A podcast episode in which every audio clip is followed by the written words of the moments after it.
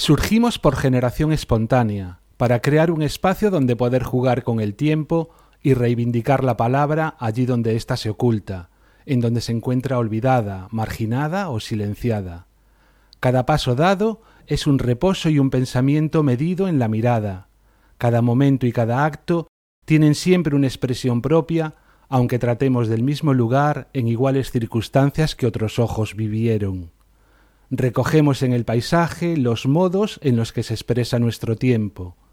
Reivindicamos también la mirada.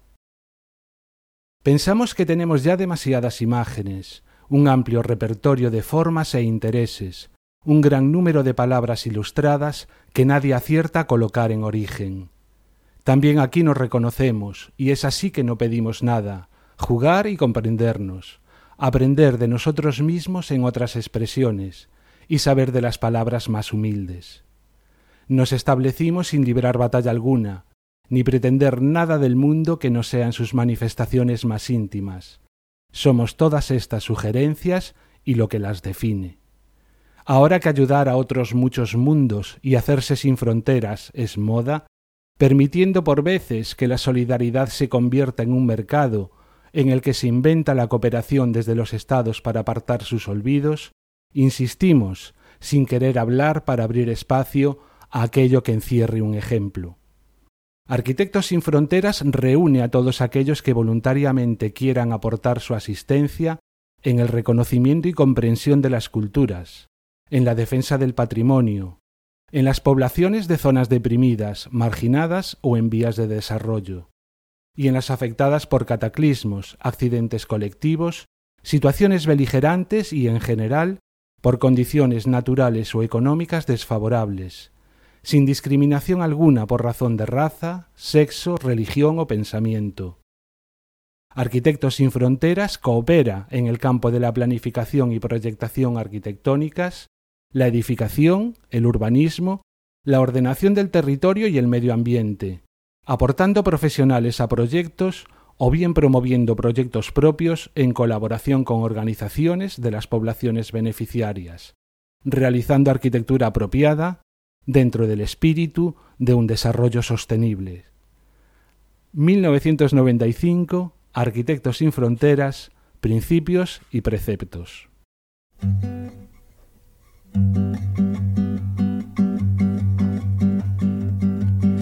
Vou dançar quando eu sinto algo dentro, algo que não devo lavar. Eu vou escutar as músicos brasileiros que me deixam libertar. Dança, toca, para que lembramos da vida. Chora, sonha, para que lembremos a alegría. Bos días, boas tardes ou boas noites. Estás a escoitar o episodio 35 de Habitando Un podcast, un falangullo Do Grupo de Educación de Arquitecturas en Fronteiras Galicia. E que queredes que vos diga? Estamos de aniversario. Hai xa 25 anos a iniciativa dun grupo de estudantes de arquitectura. Exactamente o día 3 de novembro de 1995 quedaba legalmente constituída Arquitecturas en Fronteiras Galicia. Bueno, realmente daquela era Arquitectos en Fronteiras, xa que, bueno, este, este cambio de nome aínda tardaría uns cantos anos en chegar. E literalmente, naquel momento manifestaban Esta asociación gallega surge desde la Escuela de Arquitectura de A Coruña entre estudiantes y jóvenes arquitectos, por la inquietud de dar respuesta a las necesidades de carácter técnico que aparecen en las zonas marginales y de escasos recursos, dando salida de forma diferente a los conocimientos adquiridos en la carrera. Dando salida de forma diferente a los conocimientos adquiridos en la carrera. E 25 anos xa deste texto e tamén do texto que escoitaba ao principio do episodio. Por suposto non podíamos deixar de sin celebralo, non? Ainda que este 2020 que está a ser bastante complicado, ainda que por fin marcha, De algún xeito, como decía, tiñamos que celebralo. De feito, estes mesmos días, na Escola de Arquitectura, acabamos de montar unha exposición conmemorativa destes 25 anos, con retraso por culpa do COVID, a nosa intención era tela sacado antes, pero bueno, aínda estará bastante tempo, se vos queredes achegar a ela, poderedes recoller, poderedes ver, observar unha escolma de, de todo o traballo feito en, en estes 25 anos. Pero aparte desta exposición, tamén queríamos adicarlle, e por eso estamos grabando un episodio de Habitando. Así que hoxe, eh, a min que probablemente xa me coñeceredes de, de outros episodios anteriores, eu son Juan Ortiz, estou moi, moi, moi ben acompañado de Carme. Hola, Carme. Hola. Lara. Hola, que tal? Alberto. Hola. Eh, Elena. Hola, que tal estades? Moi ben, bueno, en realidade todas vos estivestes, como mínimo en algún episodio de Habitando. Por exemplo, recordo, Carme, que ti estiveches no de tecnoloxías axeitadas. Uh -huh. Bueno, Alberto, ti estiveches un montón deles. Lara, ti estiveches aquí falando de eh, cooperación internacional. Sí, sí. Elena, penso que ti estiveches falando de, mm, de PCR. Sí, eu creo que estiven ca bolsa, sí. Ca bolsa PCR estivemos Rebeca máis eu. Non vos estades a estrear nesto de gravar podcast, pero Pero nada, para empezar a celebrar, ¿no? Entre nos estes 25 anos, así a quemarropa. Carme, que era a túa vida? Que facías ti hai 25 anos? Pues estaba en la escuela. Ahora en esto que leías el texto que me hacía gracia una cosa que se comentaba en ese texto que era para algo así como para eh, aprender más cosas o desarrollar otros conocimientos distintos a los aprendidos a la escuela. La verdad que de aquella todos estábamos como los primeros años o los primeros cursos y los procedimientos que teníamos no eran ninguno, o sea, eran poquísimos. O sea, que me, que me hizo gracia que ya habláramos de aquello en aquella época. ¿no? Y yo estaba, pues, pues, no sé en qué curso estaba, porque bueno, fui, yo fui bastante retrasada en los cursos. Y, pero sí me acuerdo de que cuando empezamos con todo esto, y siempre me viene a la cabeza una reunión que tuvimos en el menos uno, una primera reunión como invitábamos a toda la escuela, o sea, ya había un grupo que teníamos la inquietud de hacer algo, habíamos estado en contacto con, con la gente de Ingeniería Sin Fronteras de la Escuela de Industriales de Gijón, con gente de Arquitectos Sin Fronteras de, Cataluña, de Barcelona, y bueno, cuando ya decidimos empezar a, hacer algo, siempre me acuerdo de esa primera reunión, que fue un montón de gente en, el, en las aulas aquellas inclinadas de menos uno. Y a partir de ahí fue pues cuando empezamos a organizar lo de Villarbón, que fue el germen, ¿no? Que no tiene nada que ver con lo que es eh, Arquitectura sin Fronteras ni lo que es una ONG de cooperación al desarrollo, pero, pero para nosotros fue como el germen. Durante muchos años los campos de trabajo también que se llevaban a, cabo en Villarbón fue como una forma de ir conociendo a la gente y a partir de ahí fue cuando, bueno, pues poco a poco la asociación empezó a coger a coger ritmo y, ahora me encanta cuando veo todas las cosas que están haciendo y cómo, y cómo fue evolucionando los distintos pasos que fue dando.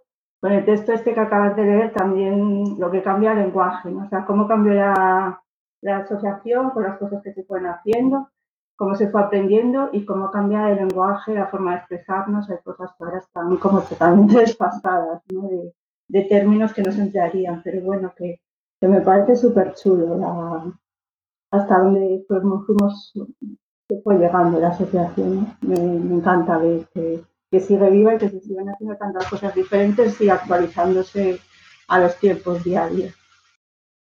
Falastes de, de Vilarbón. Sí. Para os que chegamos bastantes anos despois, non, Vilarbón está aí como un como algo mítico, como algo, ¡buah! que mm, ter estado en Vilarbón tivo que ser, vamos, algo magnífico, non? Porque comentabas, eh, xerme realmente a arquitectura sen fronteiras, ese campo de traballo. Totalmente, para nosotros también es algo mítico, ¿eh? también lo recordamos con mucho cariño.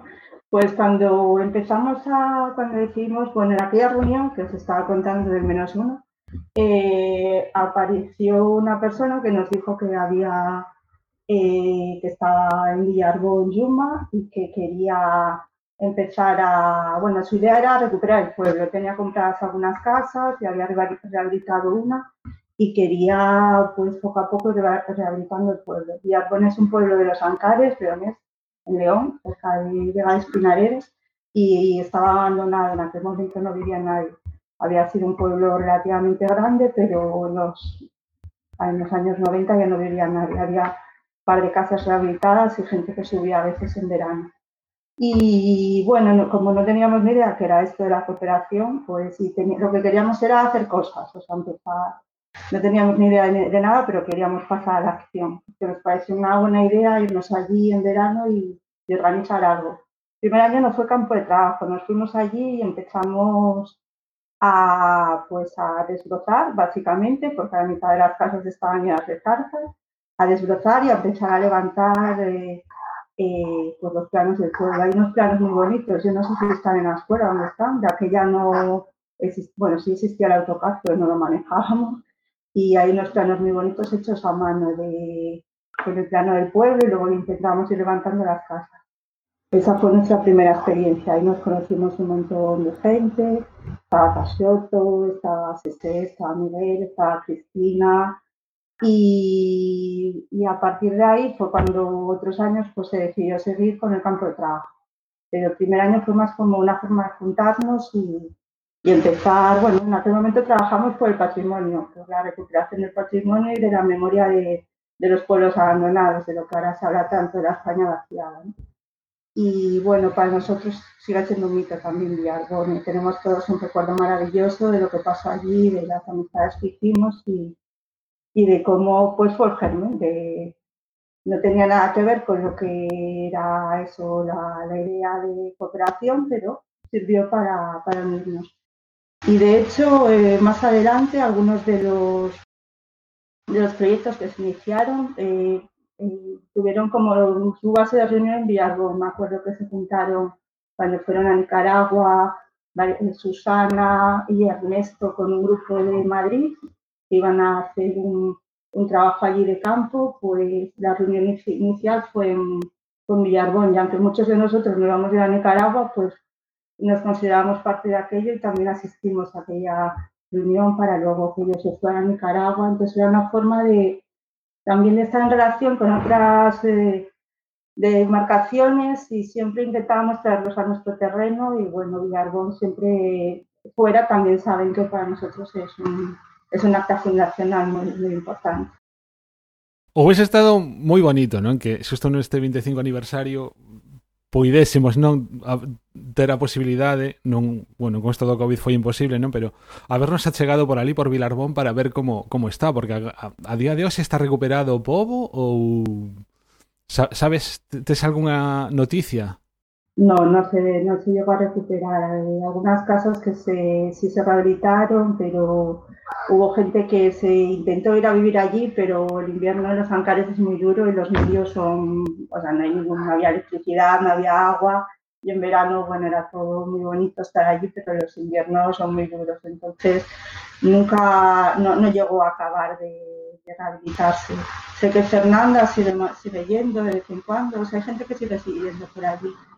Y nuestra idea también de los veteranos es eh, poder hacer una reunión allí todos, pero todavía no, parcialmente sí que algunos grupos nos acercamos, pero lo de hacer una gran reunión está pendiente todavía. ahí, o sea que, bueno, queda ahí como reto para, para otro año poder juntarnos eh, allí varias generaciones de arquitectura sin fronteras. Claro, decíamos, decía ao principio, non, que legalmente quedou constituída exactamente foi o, déxame que o teño aquí apuntado, o 3 de novembro de 1995. Sí. Pero obviamente, se si estamos falando de novembro de 95, eso quere decir que o traballo empezou bastante antes. Supoño que durante sí. todo igual 1994 xa estaba des aí pensando, Sí, incluso, o sea, pensar, igual llevamos un par de años. Yo me acuerdo de hablar con Tony, con Antonio García, eh, y de hablar de la idea, igual dos años así. Luego, lo que os comentaba antes de los contactos con ingeniería y con arquitectura, igual empezaron un año antes. Y ahí fue cuando ya empezamos a, bueno, a ver que, que realmente podíamos formar un grupo en, en la escuela de Coruña. Y justo antes del verano fue cuando se materializó lo de Villarbón y ya ahí ya lo teníamos más claro, ya fue cuando, cuando bueno, pues nos fuimos a Villarbón y a partir de ahí ya como que nos dio fuerza, ya vimos que realmente era posibilidad de hacer algo. Eso fue el verano del 95, yo me fui de Erasmus en septiembre y estábamos tres personas que habíamos estado en Villarbón, estábamos en Lille. Y cuando, o sea, nos daba mucha pena no poder haber, porque e-, ellos volvieron a Villarbón para firmar ese acta. Y nos dio mucha pena no haber podido ir porque estábamos eh, fuera. Y recuerdo que nos mandaron el acta, que nos mandaron fotos, que nos mandaron unas camisetas. Y bueno, para nosotros ahí en el exilio, decir entre comillas, pues también fue, recuerdo que lo celebramos con, una, con gran alegría, ¿no? Debería tener como papel y decir, bueno, pues a partir de ahora ya nos lo vamos a comer todo. Paula, voluntaria na actualidade do Grupo de Educación de Arquitecturas en Fronteiras Galicia. Uno de los momentos que he vivido en ASFE que recuerdo con más cariño es el reencuentro de voluntariado que celebramos en el Parzo de Mariñán en el verano de 2018. Lo organizamos casi todo Lucía y yo para que estuviese lleno de sorpresas para los demás. Invitamos a todos los voluntarios con los que pudimos contactar y acudieron muchos. Algunos que no pudieron acercarse participaron de otra manera, como Miguel Serrano, que nos envió fotos de los primeros años de ASFE para la exposición y el álbum que regalamos a Cristina Nieto. También Bea, Macario o Miguel Fernández nos enviaron vídeos con preguntas para el Trivial Asfero, un concurso de preguntas que nos sirvió para descubrir o recordar todo el trabajo realizado en ASFE Galicia desde su fundación. Fue un día muy emotivo y espero que pronto podamos repetir xuntanzas como esa supoño que falaríades non con ASF España eh, sí. tamén recibiríades bueno, axuda non por parte deles supoño al principio sí, bueno, ayuda de como la historia teníamos, no recuerdo si teníamos que ser un grupo de 10, de 12 un grupo de 20 eh, digamos a nivel eh, un poco eh, papeleo digamos de lo que necesitábamos ¿no? Y luego empezamos a ir a, claro, la, nosotros lo que queríamos era un proyecto algo como para empezar a trabajar, porque lo de tener a, la asociación era como no tener nada. Empezamos a ir a las asambleas, a Barcelona y ahí empezamos a conocer a gente de fuera y empezamos a intentar formarnos, porque lo que veíamos era que no teníamos mucha idea de lo que pasaba. En aquel momento la, mucha de la gente que está en arquitectura sin fronteras eran como pesos pesados de la arquitectura y de la asociación, ¿no? Gente con, como con mucho poder. No había, había como más la figura individualizada que no como la idea del trabajo de grupo, ¿no? Era una figura y, el grupo que trabajaba con él, pero no el trabajo común como hay ahora, ¿no? De un grupo donde todo el mundo eh, aporta por igual. Y pues eso, nos queríamos, nosotros queríamos sobre todo formarnos, formarnos, formarnos, porque no teníamos formación, en Galicia no había nada y siempre teníamos que salir fuera para aprender cualquier cosa. Tampoco había los métodos, los medios online que tenemos ahora mismo y por eso intentábamos ir pues a los comités de iniciativas, que no sé si sabéis lo que son, a las asambleas y a cualquier información que hubiera en, en cualquier sitio. Entonces siempre teníamos que ir a, Barcelona, a Madrid, y así empezamos a entrar en contacto con el resto de, la asociación. Enseguida conocimos a, tuvimos contacto con todas las demarcaciones y un contacto muy directo por eso, porque eh, salíamos bastante fuera para intentar ver lo que estaban haciendo y ver qué podíamos hacer nosotros. Eu, bueno, repasando as eh, memorias anuais de, daquela época, non? sobre todo este primeiro 1995, 1996, o que queda reflexado nesas memorias que, por certo, calqueira persoa pode están disponibles na nosa web, pode consultar, non? Toda, toda esta documentación está para quen queira o que son as memorias de actividades dende 1995 ata agora. Repasando eses, esas primeiras memorias, hai moito traballo de, de o sea, notase de que queredes facer, non? Entonces buscar proxectos, máis que facer cousas é buscar que podemos facer e tamén formarse, non? Sí, eran como los dos pilares. Tenemos que formarnos y tenemos que teníamos como la obsesión de tener un proyecto, que nos parecía que tener un proyecto era como ya la consolidación de todo, ¿no? Y que y que lo que no sabíamos que íbamos a aprender también eh, llevando a cabo ese proyecto. Creo que el primero fue el de del Salvador.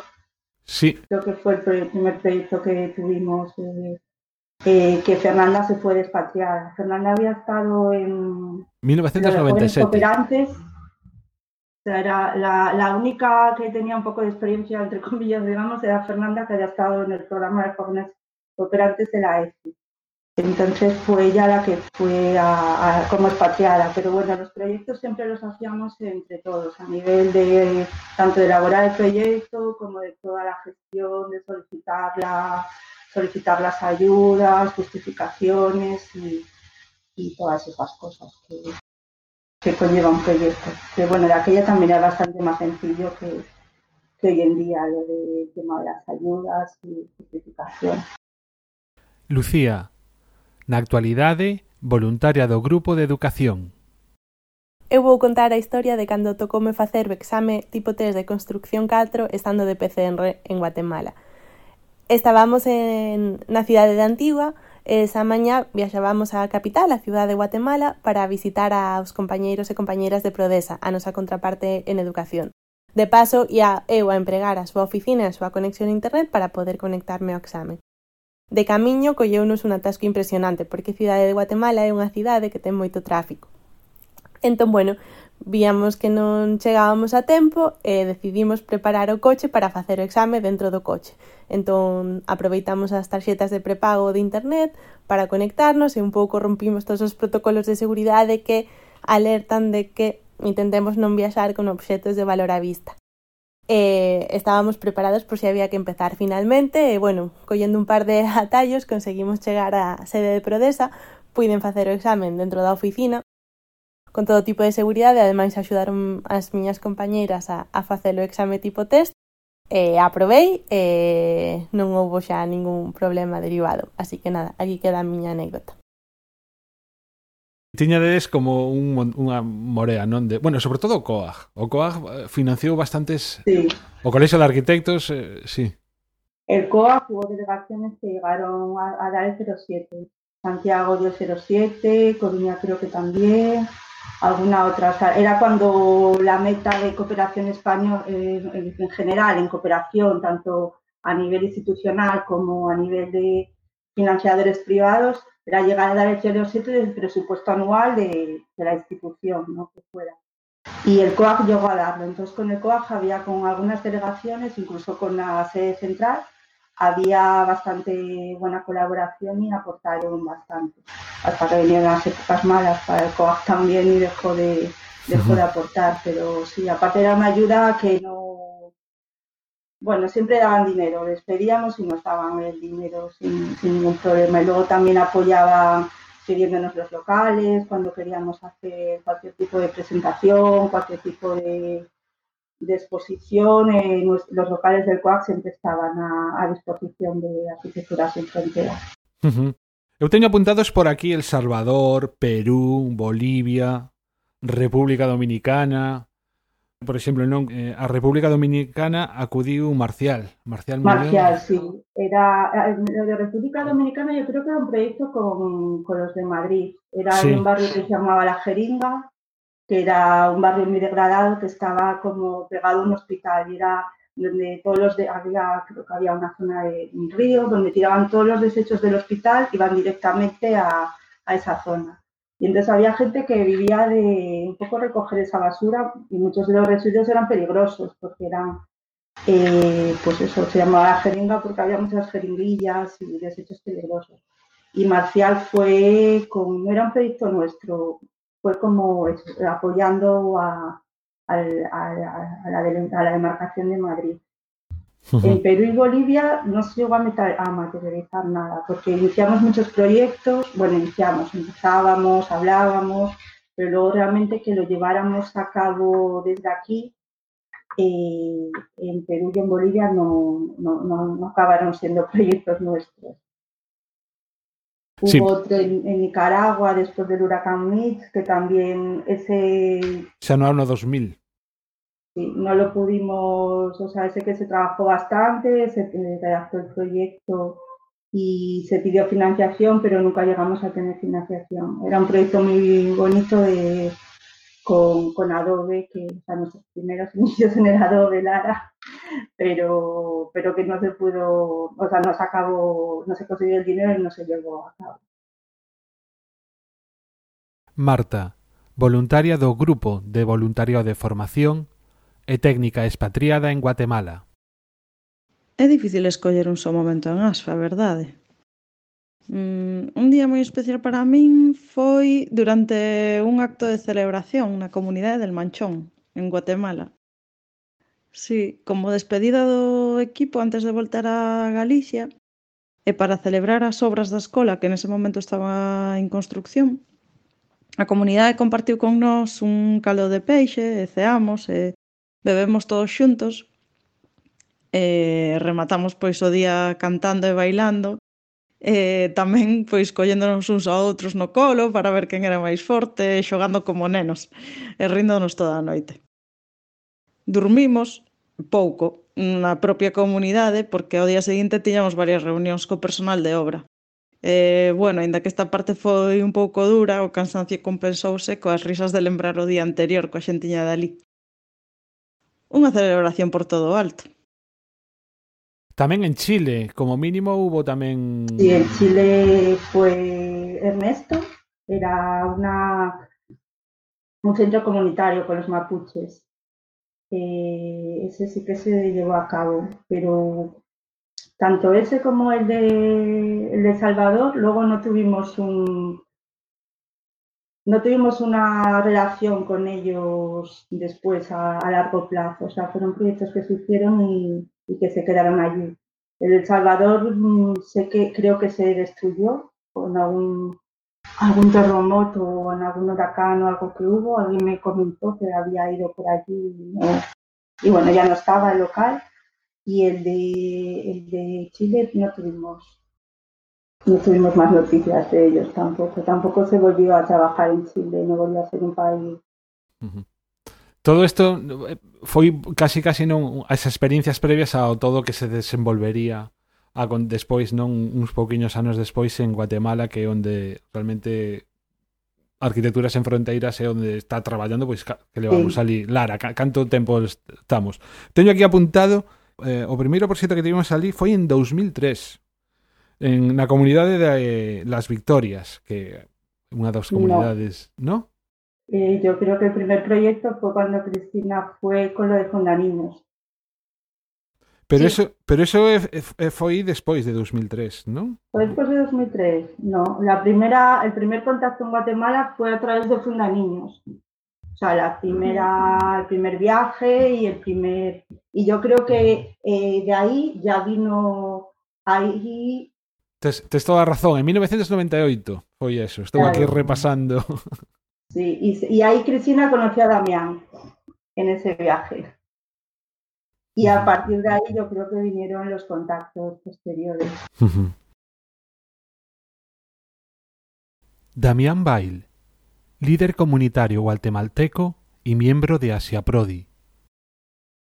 Cuando se inicia la identificación de un proyecto, después de haberse hecho proyectos en Santa Inés, en Victorias 3, por parte de Arquitecturas Sin Frontera, eh, se hizo el trabajo del diagnóstico para poder entonces plantearle el programa Oxlahuaziquín entonces eh, fue a cargo de la compañera Cristina Nieto. Pero la gente cuando se hablaba de proyecto empezaron a confundir eh, que si Cristina Nieto era la Junta. Entonces decían, bueno, vamos a darle bienvenida a la Junta de Galicia y es Cristina. También hasta incluso Isaías Pérez inventa o crea una canción dedicada a Cristina Nieto.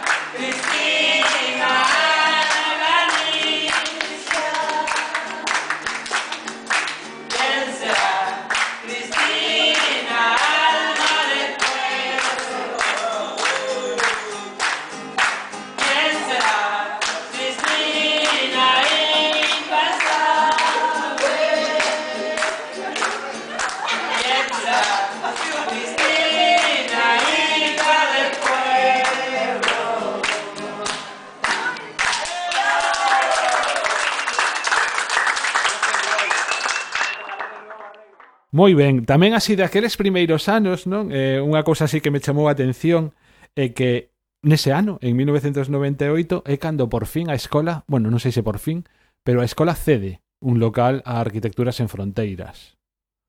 Que facíades antes, claro, onde vos reuníades. No, no lo necesitábamos, no sé, no, no recuerdo. Yo creo que en el momento que lo pedimos en la escuela, ya con la escuela también hubo muy buena colaboración desde, desde el principio. Eh, yo creo que era que no lo necesitábamos. No sé, pues igual nos reuníamos en un aula, como tampoco teníamos así, eh, no necesitábamos, no teníamos material que guardar, no teníamos, o sea, no recuerdo por qué no teníamos local antes, la verdad. pero sé que la escuela siempre, de hecho, teníamos el teléfono cuando teníamos que llamar a, Guatemala o Nicaragua, siempre el teléfono de la escuela estaba a disposición y no teníamos teléfono en el local al principio, pero me acuerdo de ir a llamar a jefatura de estudios y, y sí, el primer local, y ahora estoy pensando, no me acuerdo de él, no sé si fue en el edificio de departamentos, en el antiguo edificio de departamentos. Luego pasamos al lado de la cafetería y no sé si una época estuvimos también arriba unas aulas que había de dibujo, la última planta. No sé, a mí me falla la memoria con los locales. No, en, en, tal caso sería ao principio, porque vamos, dende que estuve en Arquitecturas en Fronteiras, eu cando entrei xa estábamos no menos do, o sea, ao lado da cafetería, e despois xa, cando agora que estamos no segundo. Antes Pero... estaba... De, sí. Eu recordo dos, dúas antes, incluso. Eh, algunha era da que Sustos facía referencia a Carmen. Antes de estar ao lado da cafetería, bueno, enfrente da cafetería, estivéramos en departamentos. E antes de departamentos, o primeiro ano que entrei eu, estábamos onde estaba antiguamente o laboratorio de fotografía na Escola de Arquitectura, é dicir, nunha das aulas que agora é un espacio diáfano, que creo sí. que era o que se refería agora a Carmen do, sí, sí. dun dos primeiros. Bueno, non, non o primeiro, pero é dicir, o que despois estuvo moito tempo antes de ir a departamentos e despois de volver a, outra vez á escola. Sí, sí, sí. Me acuerdo de esos dos. Y luego ya enfrente de, enfrente de la cafetería y ahora no sé dónde está. Hacia arriba, Bolina arriba, sí, que tengo ido ahí. Sí, sí. Arriba de todo. Guau, me falla la memoria un poco ya. Sí, sí, sí, sí. Lara, ti hai 25 anos que, que estabas a facer? Hai 25 anos. Uy, no me acuerdo. Estaría en el cole, en, EGB. o, o, empezando justo el instituto, eh, yo creo, más o menos. Porque uh -huh. empecé arquitectura en el 2000, o sea que estaría, en el, estaría para empezar el instituto. Uh -huh. E cando, cando, te, cando te incorporaches a Arquitecturas en Fronteiras? Empecé en el año 2003. Eh, recuerdo que el primer año que empecé la carrera eh, había ido a buscar, o sea, porque eh, se veía local con el cartel de Arquitectos sin Fronteras. Y recuerdo ir a llamar al, al, al local para pedir información y, y, o sea, no conseguía nunca encontrarme con nadie. De hecho, le había preguntado a algún profesor y me había dicho, bueno, pues que tampoco había, no había mucha actividad o que ahora la actividad no se estaba haciendo allí. Y entonces fue, claro, tres años más tarde, cuando apareció un cartelito por la escuela, el de Arquitectos sin Fronteras hace una reunión para eh, nuevos voluntarios y actividades y demás. Y ahí fue cuando eh, entré por primera vez en la oficina de Arquitectura sin Fronteras. Y bueno, Arquitectos sin Fronteras en aquel momento y, y conocí a Cris Nieto en aquella reunión. Estaban Cris Nieto y otra persona que ahora ya no está, que era Natalio. Y, mm, y justo, eh, o sea, la reunión era, eh, bueno, querían buscar también nuevos voluntarios, pero eh, tenían una pequeña ayuda de la Junta para poder hacer una publicación de los proyectos que se habían hecho en los años anteriores, esos proyectos de los que estáis hablando antes. Y, necesitaban pues, voluntarios para hacer la maquetación y el, bueno, y el resumen de los proyectos. Y justo eh, nos habíamos repartido los proyectos y eh, Javi, eh, que también entró en aquel momento conmigo, Javi Fraga, Elisa y yo, nos tocó el proyecto de Guatemala, de Victorias 3, de, la, de, las, viviendas de Victorias 3. Y me acuerdo perfectamente de estar leyendo el, el documento de formulación del proyecto de Victorias 3 y de estar emocionadísima, diciendo, Dios, yo tengo, yo, tengo que conocer Guatemala, o sea, tengo que ir a este proyecto, me encanta todo lo que están contando aquí, el contexto del país, el, eh, el proyecto en sí. O sea, recuerdo como esa emoción de estar leyendo la formulación y, y con ganas de hacerlo. Y después, nada, hicimos la maquetación era una publicación muy, muy sencilla. Y a partir de ahí, pues nos fuimos enganchando las actividades de Arquitectura sin Fronteras, el grupito ese que entró. Es que en ese momento, yo creo que todos los que estabais, eh, claro, todos los que habéis empezado, os habíais desplazado a Santiago, entonces realmente, aunque la oficina de Arquitectura sin Fronteras estaba en la Escuela de Arquitectura, eh, la acción se estaba llevando desde Santiago, desde el estudio compartido que teníais, o sea, allí era donde había todo el movimiento y entonces se hicieron dos focos de actividad, la Escuela de Arquitectura con los nuevos voluntarios que estaban entrando y los eh, voluntarios ya veteranos que estaban haciendo todo desde, o sea, más desde Santiago. Y a partir de ahí, pues fuimos haciendo pequeña, o sea, yo creo que después fue cuando hicimos los talleres de entrada libre en la Escuela de Arquitectura.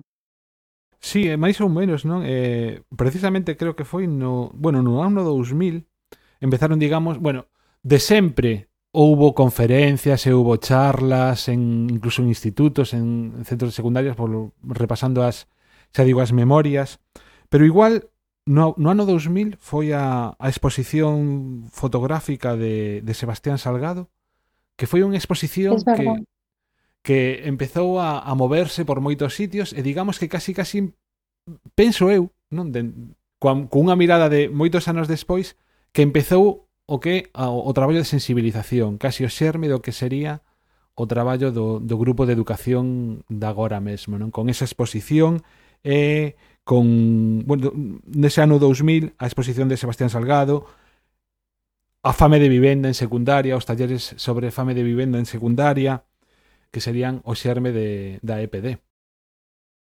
Lo de viñetas con té fueron actividades que se hicieron en los eh, centros de secundaria porque en aquel momento lo que decía Lara, cuando acabamos la carrera, que nos dispersamos y vinimos mayoritariamente, había un grupo en Vigo que no llegó a funcionar y, o sea, que, no, que enseguida eh, las ocupaciones laborales, bueno, pues no siguieron con arquitectura sin fronteras y los de Santiago y como había un grupo de profesores, que, que de aquella unos empezamos a trabajar con nuestra cuenta y otras que hicieron profesores.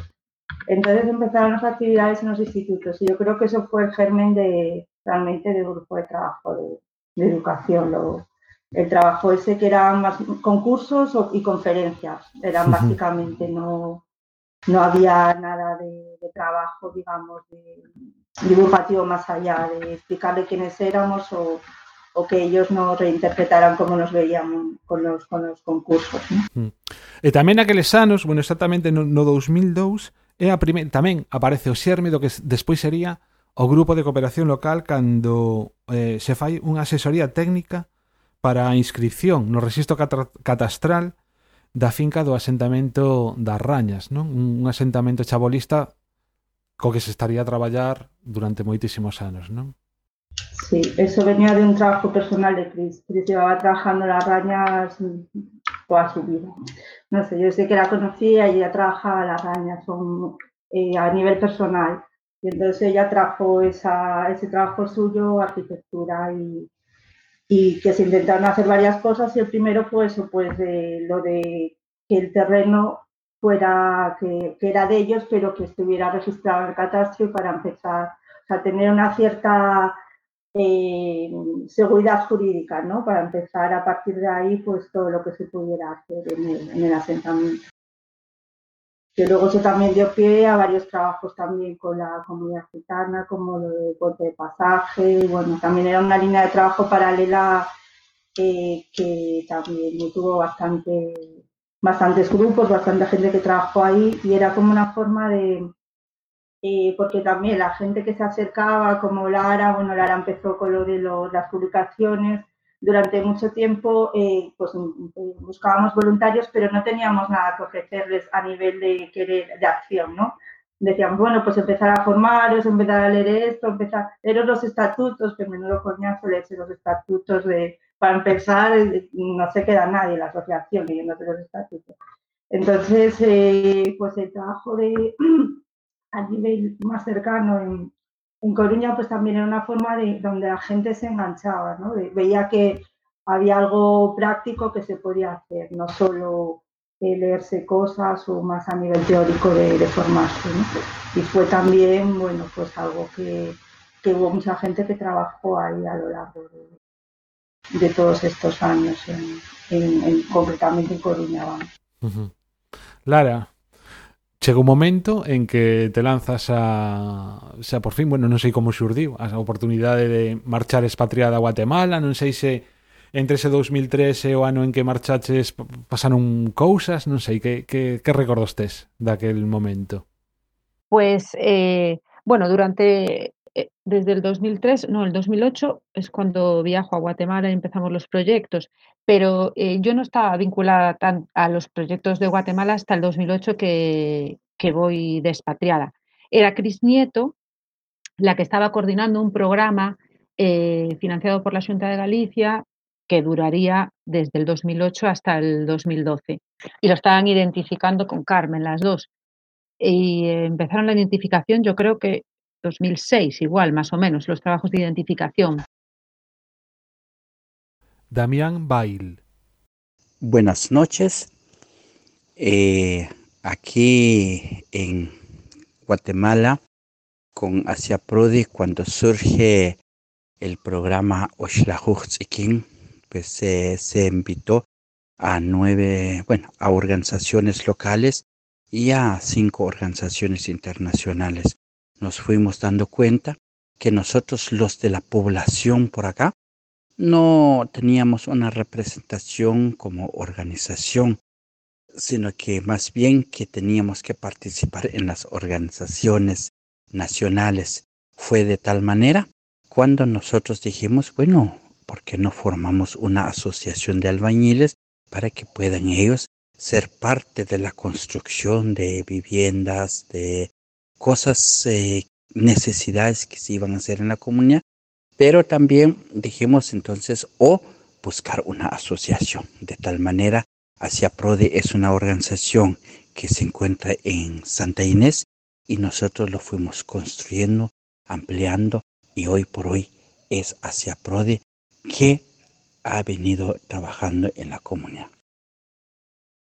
Cuando me incorporo yo ya está el proyecto identificado y ya es, es el momento de, de, ejecutarlo, que sería en 2008. Y, o sea, eh, cuando empezamos, ¿no? Que empezamos eh, eso, que empiezo con esos, eh, haciendo esos cuadernillos sobre los proyectos, pues pasan varios años en que varios estudiantes así vinculados a la Escuela de Arquitectura que estábamos en ese momento, que entró más gente, entró Sole, Carolina, Adrián. Empezamos a hacer actividades dentro de la Escuela de Arquitectura, eh, sobre todo. Eran actividades para eh, talleres de formación a estudiantes de arquitectura sobre temáticas que se salían un poco de las que estaban en el, eh, a nivel académico que estaba ofertando la escuela, más bien. Entonces, el, entrada libre, distrito activo. Y esos, esas actividades, la verdad es que nos unieron mucho y mm, como grupo y para y, nos dio mucha mucha vitalidad en aquel momento. Y vinculada a esas actividades, yo creo que lo que tuve yo fue la suerte de estar en el momento adecuado y en el sitio adecuado, desde luego, porque justo terminé la carrera cuando salió esta oportunidad de trabajo y, y fueron de estas, de estas cosas del destino, básicamente, yo creo. no otra cosa. Y entonces fue cuando viajé por primera vez a Guatemala en 2008 y de ahí ya enganchando un proyecto con otro hasta el día de hoy. Eh, si esto falabas de entrada libre, eh, e penso que foi en entrada libre cando Alberto coñece a Arquitecturas en Fronteiras, non? Eh, sí. Eh... Sí, a ver, eu estaba en entrada libre, eu estaba en segundo de carreira, é dicir, eu entrei na carreira en setembro de 2005, entonces entrada libre celebrouse en 2007. Eu xa en segundo de carreira tiña así unhas motivacións de facer cousas, de colaborar, sei, non tiña nada en concreto, pero sí que me apetecía participar e involucrarme en cousas. Entón, isto eh, foi curioso porque nas jornadas de entrada libre mm, por motivos que non recordo exactamente, non puidera participar, é dicir, porque había que facerse unha apuntarse previamente para os talleres, para os grupos e demais, e non sei que problema tiña con algunha materia ou así, que non puiden participar. Pero ao final participei igual, é dicir, participei en algunha sesión, coñecía xente que sí que participara activamente, é dicir, xa coñecín un pouco Arquitecturas en Fronteiras sen participar directamente na, na actividade que se organizaba de entrada libre. Que era eso de entrada libre para a xente que nos está a escoitar? Pois a ver, entrada libre foron unhas jornadas que se fixeron na, na Escola Técnica Superior de Arquitectura na que se traballaba o tema da accesibilidade. entonces para estas jornadas contábase eh, bueno, con diferentes colectivos, co, con colectivo de persoas sordas, con colectivo, co colectivo da ONCE, con persoas cegas, é dicir, con persoas en cadeiras de rodas, con Kogami, É dicir, que a idea era poder vincular todo tipo de persoas na accesibilidade dun edificio ou no campus, non? E para eso, o que se fixeron foron se, unha serie de grupos de traballo con alumnado da escola ou con xente participante, e esa xente pois reflexionaba na escola e evidenciaba para outra xente que non participaba no propio obradoiro eh, que dificultades podería haber se alguén iba en cadeira de rodas, se alguén non vía ou como poder comunicarse se era unha persoa sorda a persoa que, que estaba atendendo na, na biblioteca. ¿no? Entón, fora como unha cousa bastante motivante que e que como que todo o mundo, eu creo que tuviera bastante incidencia na escola. Claro, eh, é unha das constantes, penso, non? Que, que a maioría dos que temos pasado por Arquitecturas en Fronteiras é que empezábamos, entrábamos a Arquitecturas en Fronteiras e empezábamos a traballar nalgún grupo de traballo des que xa estaban constituídos. Claro, o caso de Carme é distinto porque, claro, eh, eh, Carme, eh, ti empezaches con todo, non?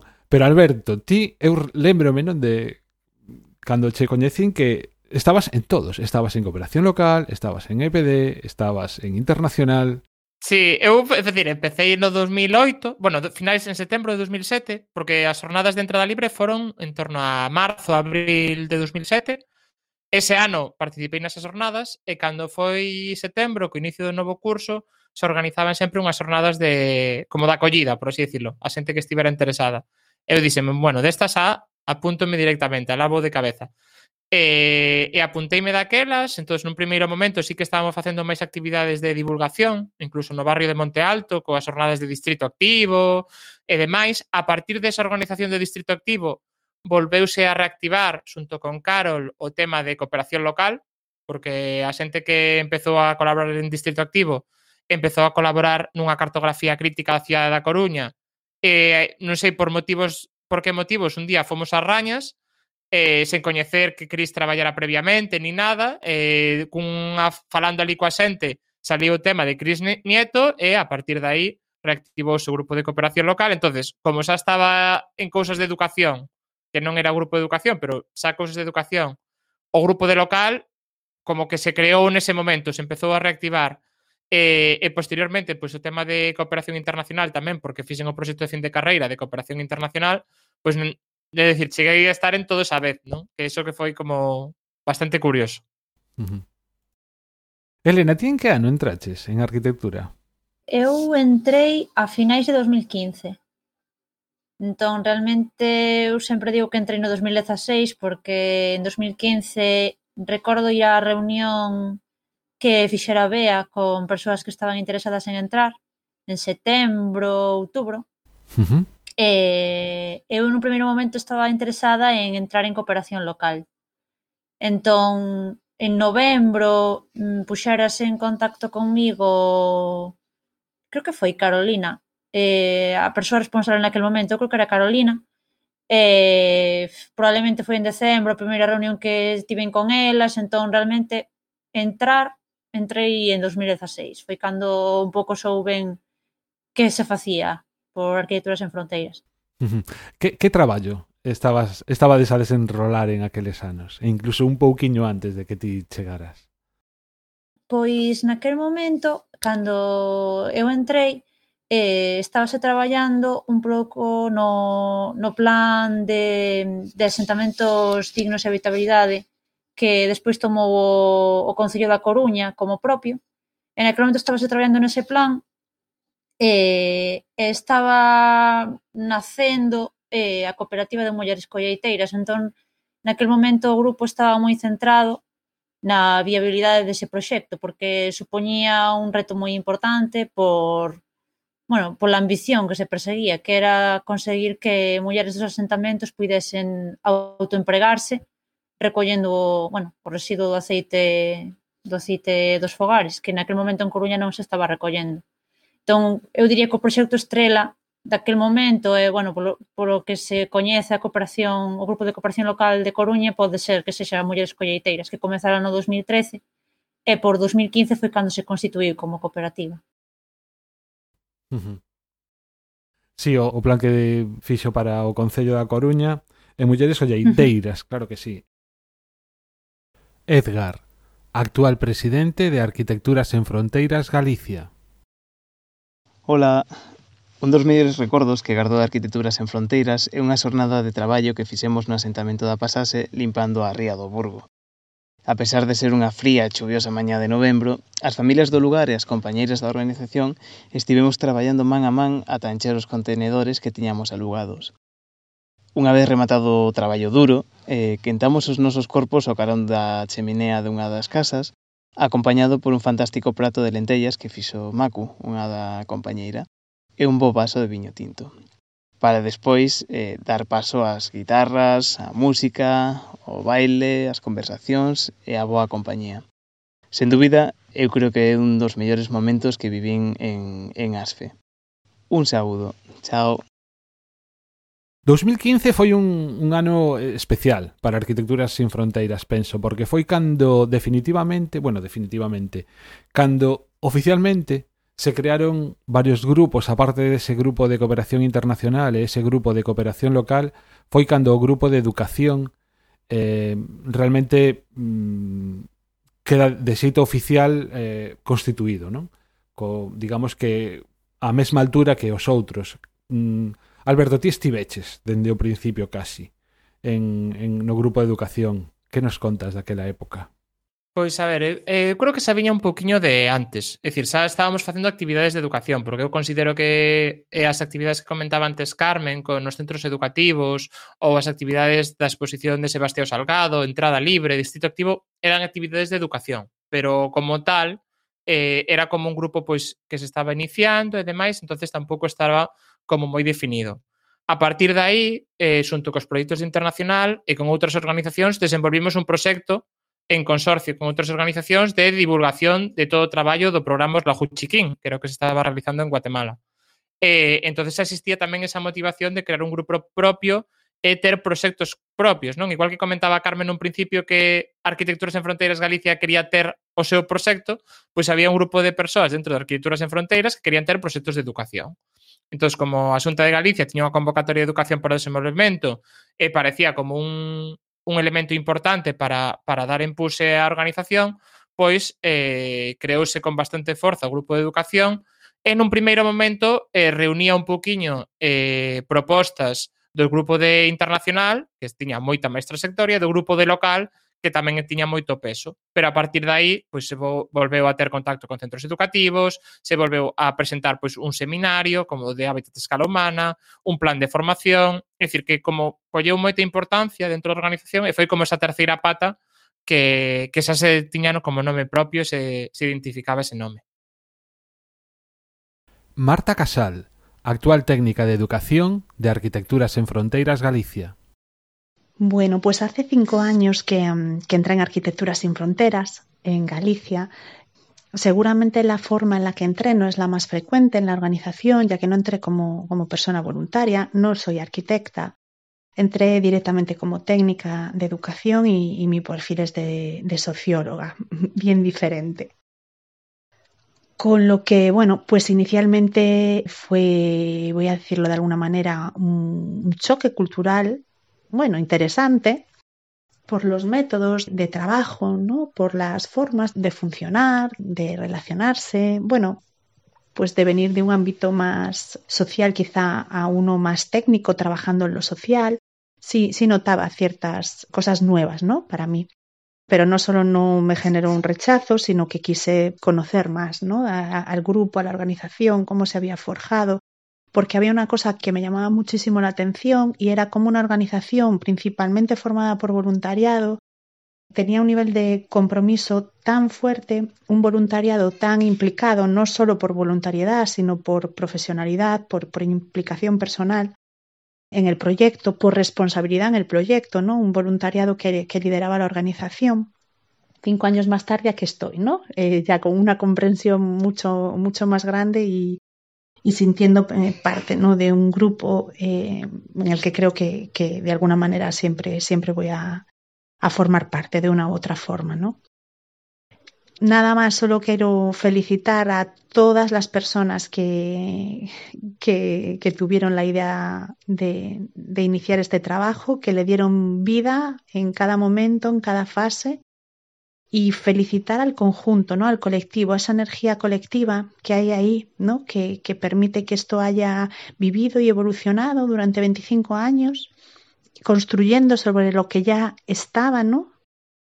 acumulando experiencia, conocimiento, un bagaje enorme.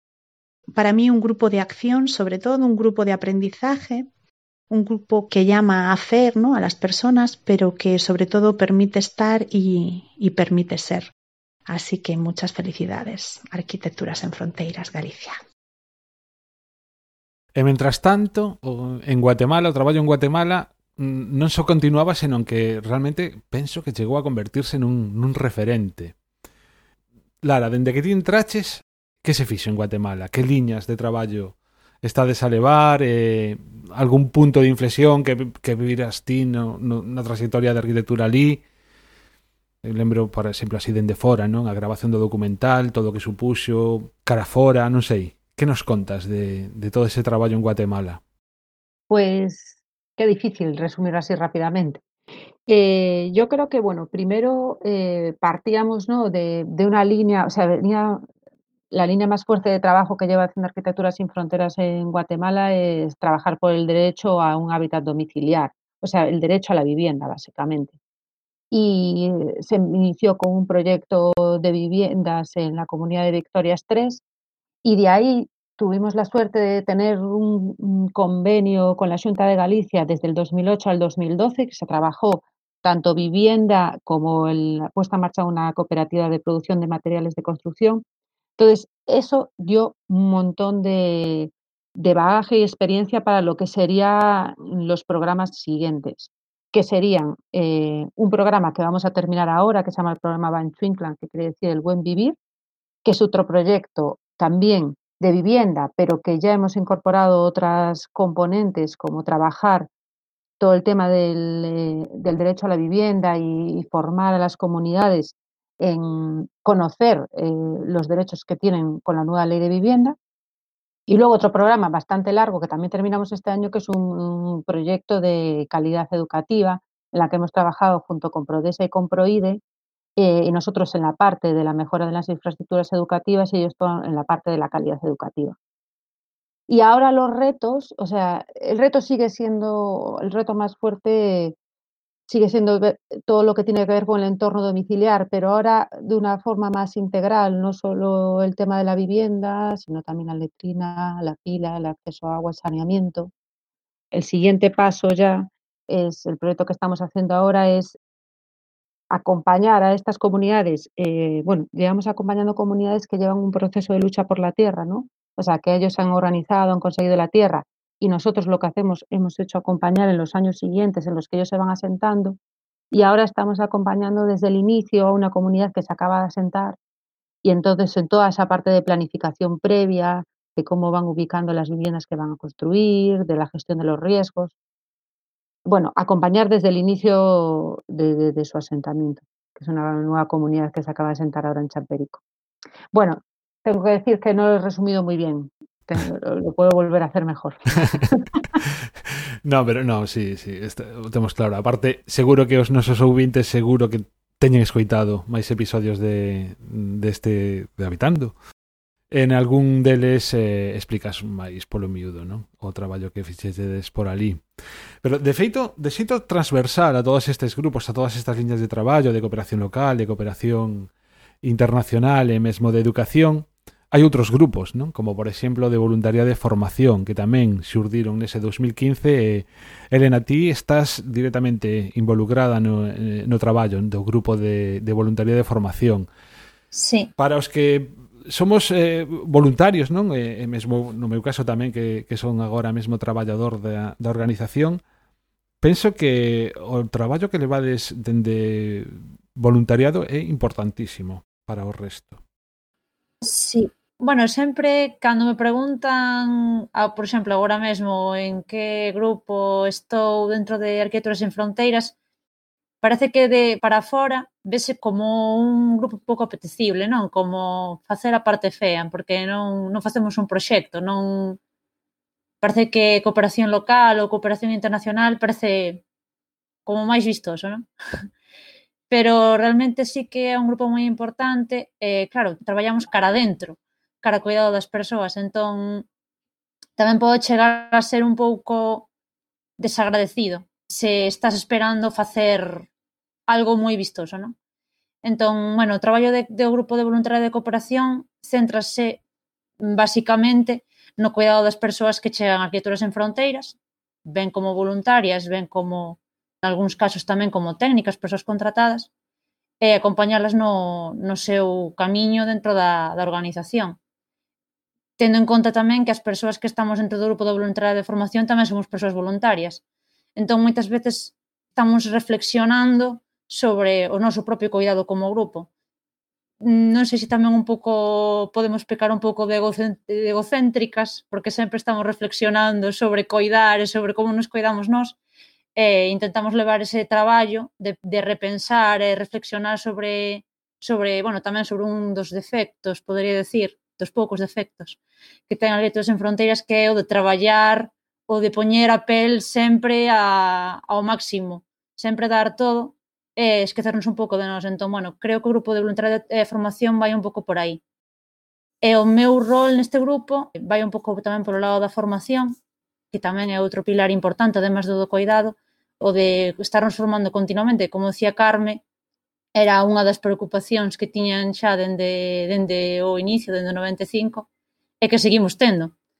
Entón, é outro dos pilares do grupo de mm, anualmente propoñer formacións internas, intentar chegar a todas as necesidades, que é moi difícil tamén. Podemos ter moitas persoas que, que nos podan dar unha crítica, non? De, pois, poderedes mellorar isto, outro, entón tamén estamos abertas a, a recibir sempre ese feedback non da, de toda a xente que está en, en ASFE. Creo que o, o cómputo global creo que é positivo, creo que, que a xente polo xeral agradece o noso, o noso traballo. Bea, voluntaria na actualidade do Grupo de Voluntariado e Formación e membro da Xunta Directiva de Arquitecturas en Fronteiras España. Bueno, pues yo más que, más que una anécdota divertida, porque todas las que se me ocurrían no se pueden contar aquí, pues he escogido un, momento bonito. Y es que cuando estaba en Guatemala, se me preguntó si, si quería ser la, la, responsable de voluntariado. Claro, yo por aquellos momentos llevaba como menos, sí, menos, menos de un año en, en ASFE y no, no, entendía, no entendía ni lo que significaba esto ni, ni nada. Yo sé que estaba viendo unas reuniones, claro, luego, luego fui entendiendo, ¿no? Estaba, esta, era dentro del proyecto de, de, fortalecimiento y se había decidido pues, crear el grupo de voluntariado y formación y estas cosas, ¿no? Y, y bueno, pues Edgar dejaba de ser el responsable y hacía falta esta figura. Entonces, bueno, no entendía mucho de qué iba, pero bueno, como socializar siempre se me ha dado bien, pues entendí que, que quedar con gente para que, para que participasen en ASFE, pues podía ser divertido y se me podía dar bien. Y un poco eso, cuento esto porque, bueno, pues eso mm, hizo que, que me involucrase de una manera diferente en la ONG, que empezase a participar en otros espacios distintos, no solo, no solo en el grupo de, de Guatemala, sino conocer pues otras personas, empezar a iniciar un grupo, porque el grupo de voluntariado y formación no existía, eh, etcétera. Y al final, bueno, pues eso, estuve dos años, todavía sigo en ese grupo. Y un poco esto también eh, me ha hecho terminar en, en la junta directiva como, como vocal de, de voluntariado y formación y vida asociativa, que, que es bueno, un poquito la continuación ¿no? de, de, ese, de, ese, momento en, en, Guatemala. Y luego también pues todo esto me, me lleva a ser, creo, la persona que ha estado en más, en más ASFES. Eh, en, por toda España, ¿no? Porque pues ahora estoy en la junta directiva, he empezado en Galicia, pero también he sido trabajadora de ASFE Madrid, he acabado haciendo un trabajo fin de posgrado con Cataluña, entonces nada, poco, poco me queda. Yo ya a ver si a ver si me mandan a trabajar a Mozambique o Cuba y ya y ya cierro todo este este ciclo. Así que así que eso ahí ahí queda mi, mi pequeño momento en el que ya me metí de lleno en, en Arquitectura sin Fronteras y, y para bien. Temos que ir rematando xa porque levamos xa un bastante tempo, unha chea de tempo. Eh, lembrades o texto que leía ao principio, Carmen, decías, eh, comentabas que a linguaxe cambiou, pero mm, non sei, eh, ao resto, o sea, Alberto, Lara, Elena, cando escoitachedes ou leíchedes ese texto, que pensáchedes? Sentíades identificados? Realmente 25 anos fixo que mudáramos na forma de pensar non só a linguaxe, senón tamén os obxectivos, a, Que vos parece ese texto? E que vos parece, sobre todo, en referencia no momento no que estamos agora?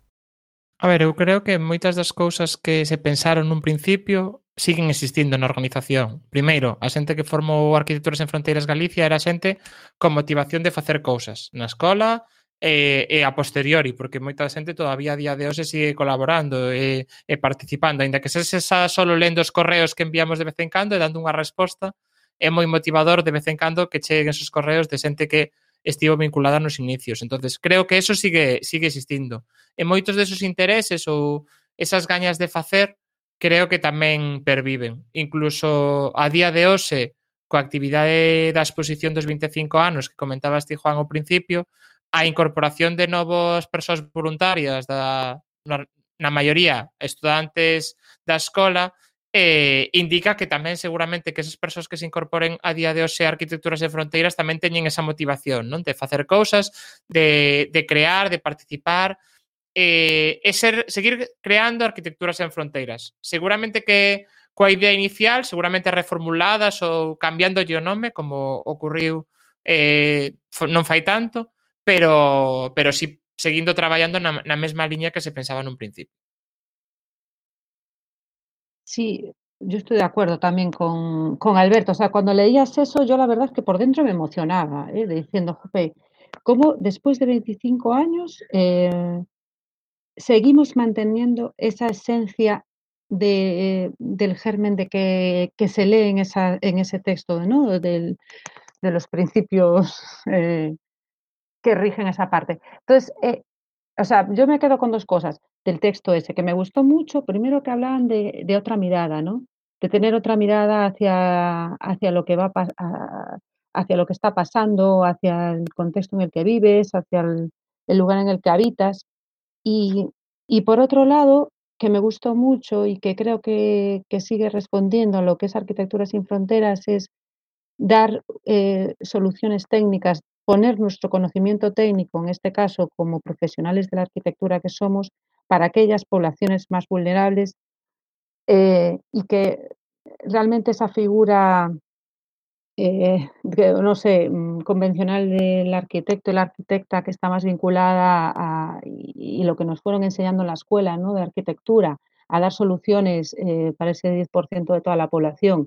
Y ese, y ese mensaje que está ahí recogido en el, eh, en ese texto fundacional eh, sigue perviviendo en la, en la, forma de trabajar y en el sentido de, de, lo que estamos haciendo. Lo que queremos es poner nuestros conocimientos técnicos y todo lo que hemos aprendido al servicio de la población más vulnerable y que, y que es realmente la que más necesita esa figura eh, y esos conocimientos. Eu tamén, eu como, como Lara tamén me resoou moito cando se decía isto da, da mirada, porque Bueno, de feito, fai pouco tamén para, para uns vídeos que tivemos que facer para o módulo en liña que se acaba de, de crear tamén da, da, da demarcación.